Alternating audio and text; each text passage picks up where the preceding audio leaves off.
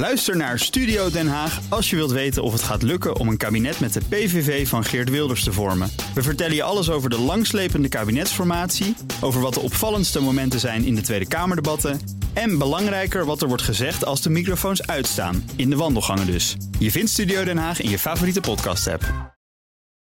BNR Mobility wordt mede mogelijk gemaakt door ALD Automotive en BP Fleet Solutions. Today, tomorrow, together. BNR Nieuwsradio. Mobility. Meindert Schut en Nout Broekhoff. Lof, maar ook kritiek op een nieuwe videoclip waarmee Interpolis jongeren waarschuwt voor smartphonegebruik in het verkeer. Ja, volgens eh, verkeerspsycholoog Geert Tertolen werkt de campagne averechts en hij zal straks uitleggen waarom. En dan geven wij ook onze mening. Zeker. Uh, maar eerst even aandacht voor spitsbrekers, Nout. Ja. Want vandaag zou een nieuwe kanshebber te gast zijn maar. Ja, zou. Nee, inderdaad. Uh, Vitens, waterbedrijf, was een van de vier kanshebbers op de Splitsbreken van het Jaar Award. Maar in de loop van vorige week kreeg ik bericht van Vitens dat ze zich terugtrekken, dat ze niet oh. langs wilden komen. En als je niet langskomt, kun je ook geen kans meer maken op, uh, op de Spitsbreken van het Jaar Award. Wat daar nou precies achter zit, ja, uh, precies. Waarom? Vind ik lastig om nu hier uh, te duiden. Maar ze willen hun eigen mobiliteitsbeleid toch nog een keer onder de loep leggen. Intern zijn er ook wat, wat dingetjes gaande daar op, op dat vlak. Dus zij vonden het niet kies om mee te doen aan deze uitreiking. Dus ja, dat, dat is jammer. Ja, maar wat betekent dit voor de verkiezing? Nou, die verkiezing gaat gewoon door. Alleen de andere drie kanshebbers hebben nu meer kans om te winnen. van 25% gaat het naar 33,33333. Ja. Dus ja, die hebben meer kans om ja. te winnen. Maar ja, er wordt gewoon een winnaar bekendgemaakt. Over twee weken is het zover. Dus alleen Vitens maakt ja. dus geen kans meer. En betekent niet dat de drie overgebleven kandidaten minder hard eraan moeten trekken. Hè? Is, is ook niet zo. Uh, blijven knallen. Nee, en, en volgende week hebben we dan de laatste kanshebber te gast. En dat is de gemeente Rotterdam. Kijk aan, gaan we naar uitkijken. Maar eerst gaan we door met Speed Pedelecs. Zijn elektrische fietsen met een maximumsnelheid van 45 km per uur. Verkoop groeit hard in Nederland. Ja, hard. Uh, in ieder geval gestaag door. En uh, er rijden nu bijna 65.000 speed pedelecs rond. Dat blijkt uit nieuwe cijfers van de BOVAG die we vandaag hebben opgevraagd. En je hoort Paul de Waal. Er zijn vorig jaar uh, ruim 4.500 speedpedelecs verkocht. En, en tien jaar geleden waren er nog 85. Dus dat heeft wel een vlucht genomen in tien jaar. En, uh, en vorig jaar zijn er zo'n 8% meer verkocht dan een jaar eerder. Dus je ziet echt wel een groei. De speedpedaling is echt een alternatief uh, voor woon-werkverkeer.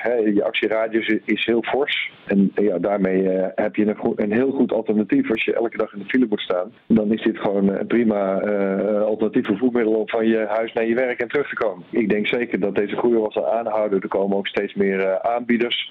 Het is best een forse investering, maar uh, ja, weet je, in, in vergelijking met de auto is het nog steeds uh, heel weinig. En uh, ja, je, je, bent toch echt wel heel snel van, uh, van A naar B. Ja, ik vind 8% groei per jaar best behoorlijk, uh, Nout. Ja, zeker. Dat is gewoon goed. Ja, zeker. Marktleider in Nederland is de Zwitserse speedpedelec-maker Stromer.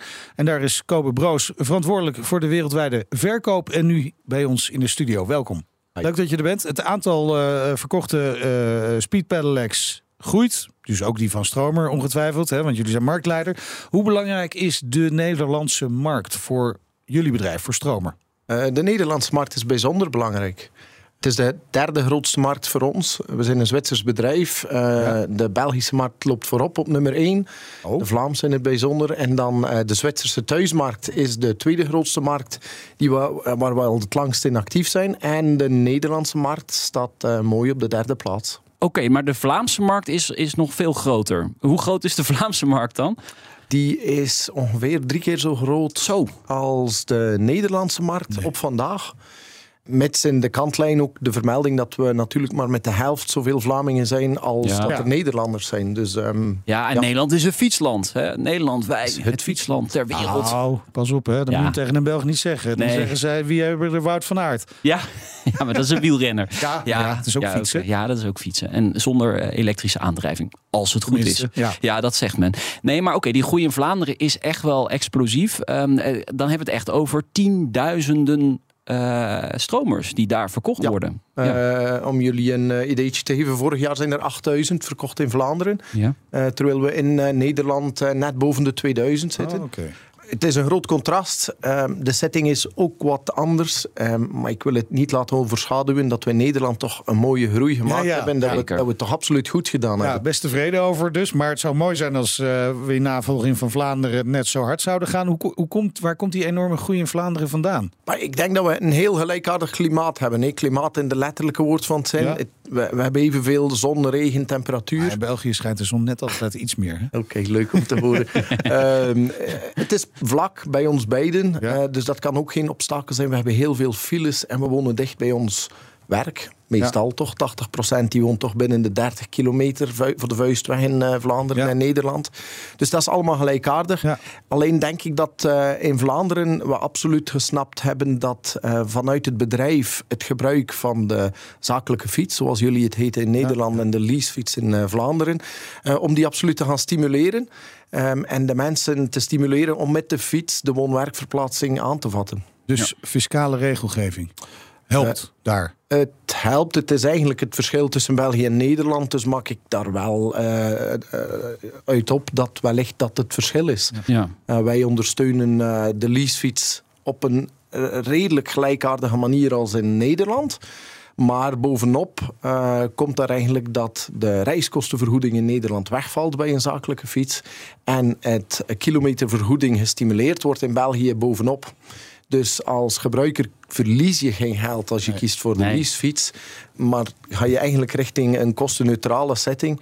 waarin je mogelijk nog wat geld kunt verdienen... of een, een stuk van de kostprijs kunt goed fietsen. En Ja. dat stimuleert. Ja. Dit wat jij zegt, daar is heel veel kritiek op hè, in Nederland. Daarom werkt die, vinden veel bedrijven en ook eh, organisaties dat die leasefietsregeling niet goed genoeg werkt. En eh, ja, eigenlijk moeten ze terug naar de tekentafel om, Ja. dat, eh, om dat aan te passen. Vind je dat ook trouwens? Ja, ik, ik zou het zeker en vast aanmoedigen. Nogmaals, ik wil het eh, niet minimaliseren, want het gaat goed met Nee, de fiets in. Nederland. En, en, Maar eh, het kan beter. Er het- zit meer het potentie kan in. beter. Ja. Ehm, ik, ik wil eigenlijk vooral leren uit de situatie in Vlaanderen. Als je daar ziet hoe het ehm, vanaf 2018 compleet is gaan boomen. Ehm, en ik kijk dan naar Nederland. Die waren toch de early adapters. Want de Nederlandse markt was de eerste grote Europese markt voor ons bedrijf. Eh, en dan spreek ik al vanaf 2012 werd hier al Ja. lustig gespeedpedelect. Als ik dat woord mag gebruiken. Ja, ja, ja. En ehm, dan, dan hebben we die boom gezien in Vlaanderen. Dus een aanpassing zou absoluut ook een verhoging van het gebruik speedpedelec kunnen betekenen. En bij gevolg minder auto's op de baan. Ze luisteren mee. Dat, ja, eh, ze luisteren mee. Dat kan niet anders. Stond in de dikke vandalen, denk Ja. ik. Ja, dat denk ik ook. Speedpedelekken. Ja. Ehm, laten we even kijken naar het palet van eh, Stromer. Een vrij breed modelaanbod. Hè? De ST1, 2, 3. Dan slaan we 4 over, 5 en 7. Dus de 4 en de 6 zijn er niet. Wel- Welke fiets verkopen jullie het meest? De ST3 is de meest verkochte fiets eh, wereldwijd. In de Nederlandse markt merken we toch op dat de 1 en tweede instapmodellen bijzonder populair zijn. Ehm, en dat kan er ook wel iets mee te maken hebben als je die stimulans niet echt hebt. En je moet die, die stap maken naar de speedpedelec. Hij start bij ons vanaf 5000 euro.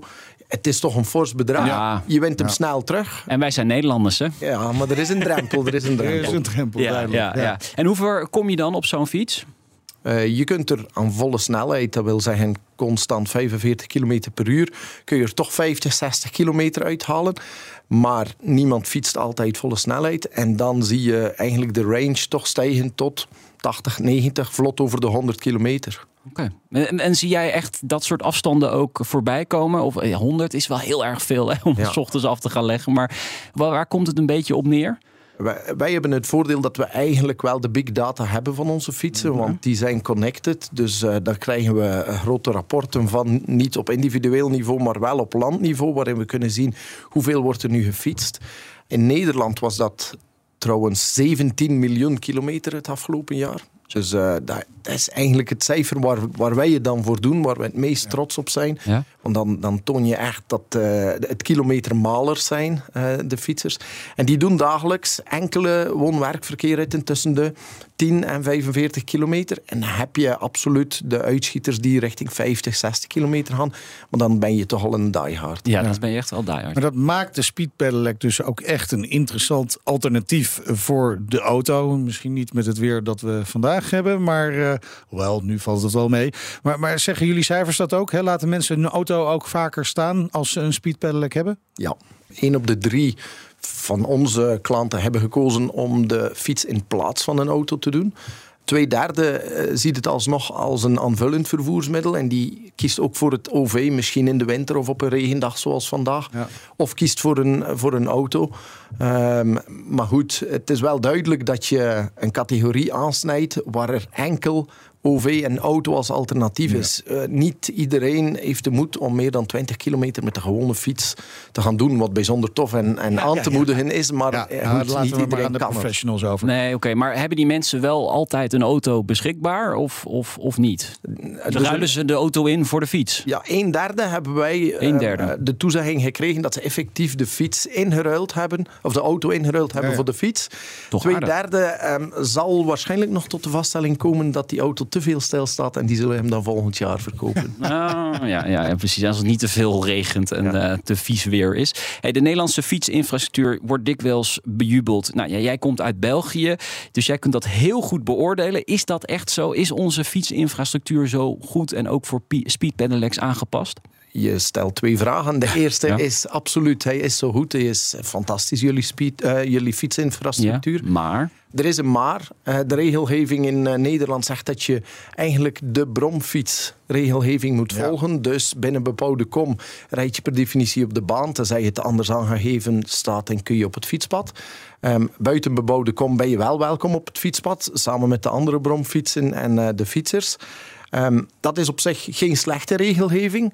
Alleen ook daar kan het beter. In die zin, je bent een fietser, je blijft een fietser, je voelt je even kwetsbaar als een fietser. En je wilt niet altijd tussen die auto's fietsen. Bij onze kant is er dan ook de oproep: laat de speedpedelekker eigenlijk kiezen waar hij wil fietsen. Hij moet absoluut maximumsnelheden respecteren. En er zijn plaatsen waar je misschien kunt zeggen: hier niet. Maar er zijn ook heel veel plaatsen waar we ze nu op de baan dwingen. Ja. En waar je misschien als gebruiker er toch liever voor kiest iets trager en in de veiligheid van een fietspad. ja. Ja, want dat is natuurlijk ook het verschil. Hè? Tussen, het, eh, tussen de auto's ben je als eh, fietser kwetsbaar. Maar als je op het fietspad gaat met zo'n speedpedelec en je, en je houdt gewoon de maximumsnelheid aan van, Ja. de, van de stromer bijvoorbeeld, ja, dan zijn die andere fietsers weer kwetsbaar. Ja. Is de oplossing misschien niet veel meer in de infrastructuur dat je fietspaden veel breder maakt? Ja, ik denk dat dat wel ergens... Ja, het zou zeker een oplossing zijn. Het lijkt mij ook voor de hand liggend dat je op de bredere fietspaden en de fietspaden die het zouden kunnen verteren om meer verkeer op toe te laten, daar zeker een uitzondering te gaan maken. En dus de, de uit te nodigen om die infrastructuur te gebruiken.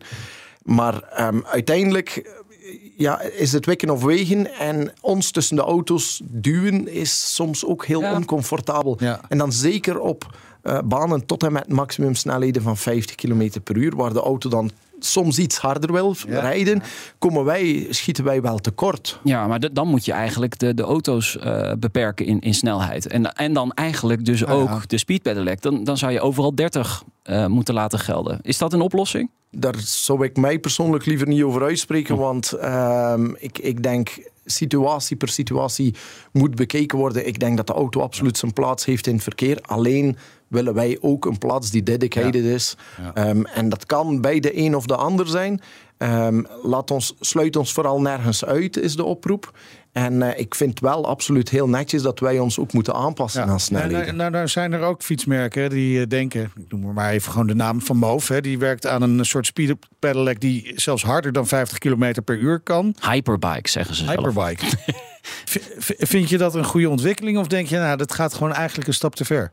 Ik vind het een leuke ontwikkeling in die zin. Ehm, het heeft het opnieuw de categorie. En het is eigenlijk niet onze categorie, maar Nee. op zijn minst het idee van een snelle fiets krijgt weer wat rugbaarheid. Het is toch een niet onbekende speler, en bijzonder hier in Nederland.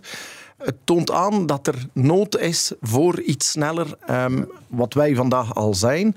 Ik vermoed dat ze vervolgens wellicht in onze categorie terecht zullen komen. Maar het is wel een mooie zaak dat er, dat er aandacht aan gegeven wordt.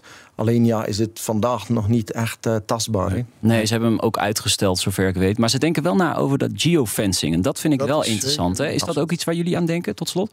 Ja, absoluut. Wij zijn ook eh, bereikbaar als deelnemende partij. We hebben een proefproject onder andere in Schiphol, die, eh, dacht ik, van start zal gaan. Ja. En eh, geofencing zou kunnen. Ehm, het zou eigenlijk ook de ideale manier zijn om te gaan zeggen, weet je, in deze zone voorbij een school of Ja. in het hartje van, eh, van een stad kun je maximum 30 km per uur en dan is er geen discussie meer. Ja. Goed. In ieder geval een wereld die flink in ontwikkeling is, die van de Speed Pedelecs. Dank voor je komst. Kobe Broos, Global Sales Director bij Stromer. Dank je. BNR Mobility. Gemengde reacties op een nieuwe campagne van Interpolis. Met een aangrijpend filmpje waarin een vrachtwagen een meisje aanrijdt, waarschuwt de verzekeraar jongeren voor smartphonegebruik in het verkeer.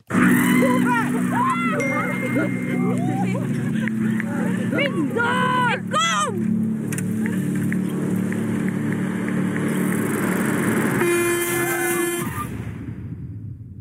Heel heftig eh, filmpje, kun je Ja. wel zeggen. Eh, we hebben nu contact met verkeerspsycholoog Gerard Tertolen. Welkom in de uitzending. Ja, hallo. Gerard, eh, ik heb begrepen dat jij niet zo enthousiast bent over deze videoclip. Waarom niet? Nee, nou, dat klopt wel. Ik eh, vind het sowieso heel erg goed dat hier aandacht aan besteed wordt. En ik vind het ook heel erg goed initiatief om dit opnieuw onder de aandacht te brengen. Ja. Ik ben zelf alleen niet zo'n hele grote fan van ja, wat heet fear appeal. Mensen bang maken, angstaanjagende filmpjes laten zien. Zeker niet voor jongeren, omdat ik het idee heb dat dat niet zo goed werkt. En waarom niet? Ja, eh, kijk, ten eerste, eh, jongeren, alle mensen, maar jongeren in het bijzonder, lijden enorm aan zelfoverschatting. Eh, ze denken dat ze zelf echt wel alles onder controle hebben, alles goed kunnen doen, ook samen kunnen doen dingen hè, tegelijkertijd. En dat ze alles goed in de smiezen hebben. En ja, dat leidt ertoe dat als je zulke filmpjes ziet, dat je denkt van ja, dat is voor mensen die minder goed opletten. Dat is voor mensen die niet zo goed kunnen fietsen en die niet zo goed alles in de gaten kunnen houden. Maar ik heb daar geen last van, maar ik kan dan makkelijk. Ja. Die zelfoverschatting is echt aantoonbaar in het verkeer, is die heel erg groot. En dat is, een, eh, ja, dat is echt wel een, een dingetje om rekening mee te houden. Ja. Bovendien is het ook nog eens een keer zo dat dit soort filmpjes moet je vaak vaker zien, willen ze echt doordringen.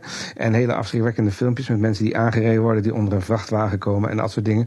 Ja, dat hoef je niet nog een keer te zien, want dat is niet zo prettig om naar te kijken. En ik snap wel dat dat juist de intentie is van Interpolis. Maar omdat je hem dus niet twee of drie keer gaat kijken, komt die boodschap ook niet goed ja. over. Ja, maar ik, eh, eh, Gerard, ik kan echt niet meer claimen dat ik een jongere ben, helaas. Maar ik heb, het, eh, ik heb de video gekeken. Eh, hij kwam bij mij wel binnen. En ik zat toch nog wel een beetje in de gedachte van... ja, kijk, in de auto doe ik het echt niet. Maar ja, op de fiets af en toe heel even kijken op je smartphone... moet wel kunnen. Maar als je dit zo ziet, dan denk je toch van... "Mwah, misschien beter van niet. Wat dat betreft komt Nou, het, het is, wel zo- aan. het is sowieso beter van niet. Dus dat ben ik helemaal met je eens. Maar eh, dit, bij dit soort filmpjes, daar is er echt wel van aangetoond dat ze heel even effect hebben. Eh, dus dat je inderdaad, net dat je hem daar gezien hebt, dat je, eh, dat je denkt van oeh, dat komt even binnen, zeg jongens. Maar als jij over volgende week zeg maar weer op de fiets zit, dan ben je dat volledig vergeten. Dan is dat volledig weg. En dat zie je zowel bij automobilisten als fietsers. Dit soort dingen komt heel even hard aan. Denk Ja. je, jongen, jongen. Maar door de reden die ik net noemde, blijft het echt niet lang hangen en betrek je het niet op jezelf. Ja, ja, ik vind het wel heel rauw. Het is wel echt de, de werkelijkheid. Hè. Dit, dit zal in Nederland een, een, een aantal keer in het jaar zeker gebeuren. Aan de andere kant dacht ik ook, het is een beetje een, een beetje eh, victim blaming. Hè. Je- eigenlijk moet je ook die vrachtwagenchauffeur aanspreken op het feit dat er, een- dat er een fietser aankomt. Ja, lastig hè. Dat is natuurlijk ook weer het geval. Maar ja, victim blaming. Kijk, ik vind, als je, kijk, op de, op de fiets moet je gewoon niet appen. Dus eh, dat is gewoon een hele duidelijke boodschap. Dat vind ik geen victim blaming.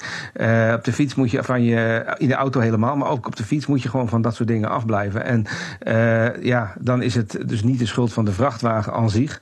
Vrachtwagens moeten uiteraard goed opletten. Hebben vaak rij- rijden misschien te hard en kijken niet goed in de dode hoek. Allemaal hartstikke belangrijk. Maar als iemand zit te appen op de fiets en daardoor op een onbewaakt moment oversteekt, kan je niet altijd de chauffeur de schuld geven. Nee, precies. Maar wat ik bedoel is dat er ook heel veel geappt wordt achter het stuur. En dat dat natuurlijk Ja, ook een deel eh, Nee, van, van het Ja, probleem helemaal is. eens. Ja, Helemaal ja. eens. En- Ja, misschien is dat het vervolgfilmpje dat je die Ja, vrachtwagenchauffeur ziet met eh, een smartphone. Dat, eh, laten we hopen dat dat niet echt gebeurt. Eh nou, wat vind jij eigenlijk van het filmpje? Ja, wat ik jij zeg. bent nog wel redelijk jong.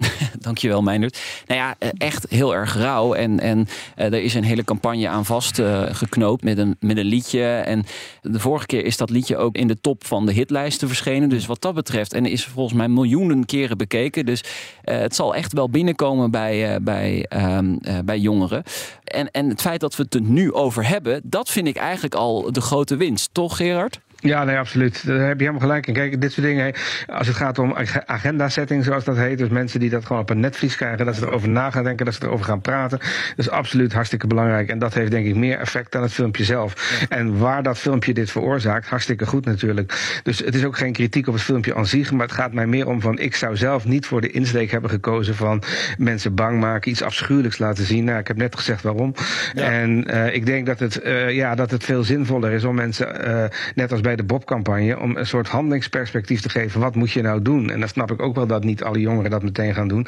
Maar ik denk dat je daar wel in moet gaan zoeken. Dat blijken wel de meest effectieve campagnes. En dan kan je denken aan, uiteraard, zet hem uit voordat je gaat fietsen. Ik weet dat dat in, in verband ja, met dat is toch hartstikke saai? Snap ik, snap ik, snap ik. Dat is saai. Oké. Okay. Maar dat geeft wel handelingsperspectief. De Bob is misschien ook saai. Maar je kan er wel ja. een interessante reclame omheen bouwen. De boodschap is ook saai. Van ja, eentje moet niet drinken. Jongen, ja. jongen, jongen. Maar het is wel iets waar jongeren echt wat aan hebben. En het is ook heel effectief gebleken in het verleden. Ja, ja want de, Bo de Bob is inmiddels wel een held geworden. Hè? Dat zou je wel zo kunnen zeggen. Ja, absoluut. Ja. ja. hoewel het aantal alcoholovertredingen ook weer erg aan toenemen is. Ja, hè, de laatste, ja, uh, ja dat klopt. Het gaan, blijft, uh, ja. Gaan, ja, jongeren klopt. gaan aanzetten om met een bakfiets te gaan rijden. Dat er uh, vier in de, in de bak kunnen gaan zitten, lekker kunnen appen. En dan degene die rijdt, die mag niet appen.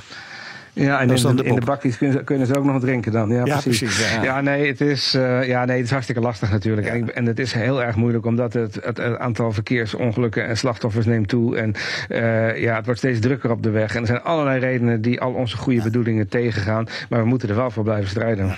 Ja, maar goed, dit- dit filmpje gaat dus bij de jongeren niet veel teweeg brengen, waarschijnlijk zeg je. Gaat het bij, bij hun ouders misschien wat teweeg brengen? Hè? Dat hun ouders denken van als ze dit zien, ik ga toch maar even met mijn kinderen praten hierover. Ja, nou ja, als dat zo is, dan eh, juich ik er van harte toe. Maar ook hier heb ik het gevoel dat de insteek daar niet helemaal de meest effectieve is. Want eh, dit soort filmpjes gaan zo. Ja, het is zo ingrijpend. Het is zo afschuwelijk Ja, wat je ziet, ja, inderdaad. ja, maar eh, daardoor lijkt de kans dat het je overkomt ook niet zo groot. Zo werkt ons brein nou eenmaal.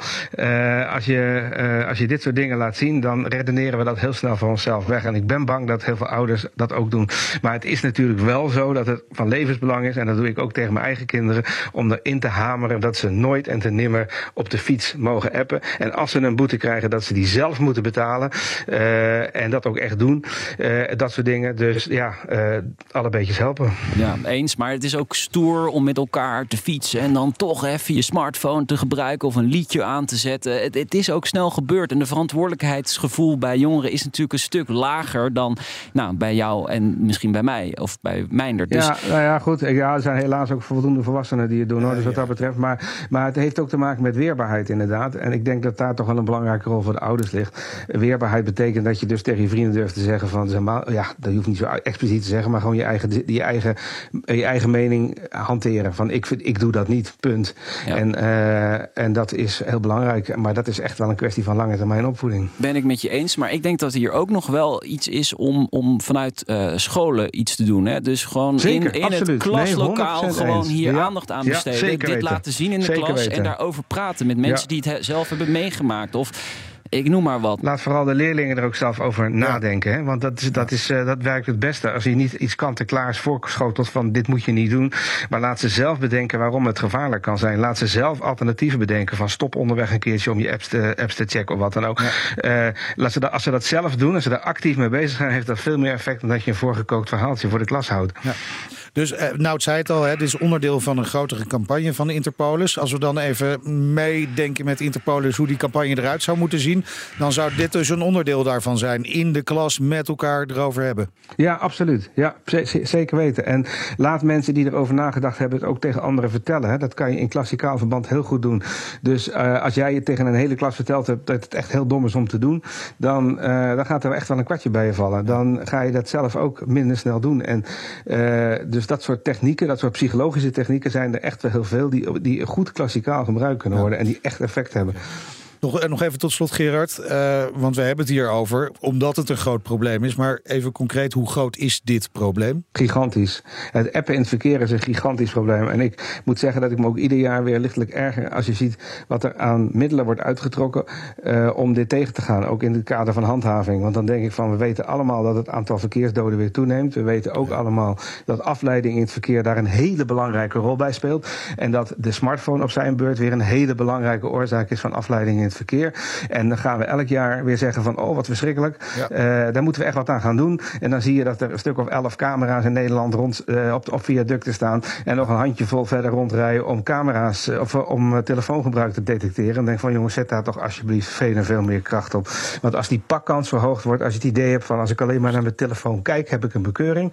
Ja, dan gaat er iets gebeuren. Dankjewel, Gerard Tertolen, verkeerspsycholoog. En ook natuurlijk jurylid bij Spitsbrekers. Dus uh, binnenkort zien we je weer.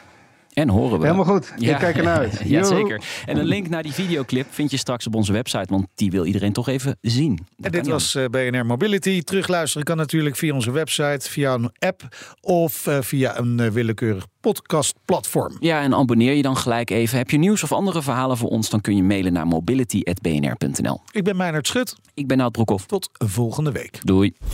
BNR Mobility wordt mede mogelijk gemaakt door BP Fleet Solutions en ALD Automotive. ALD Automotive. Ready to move you.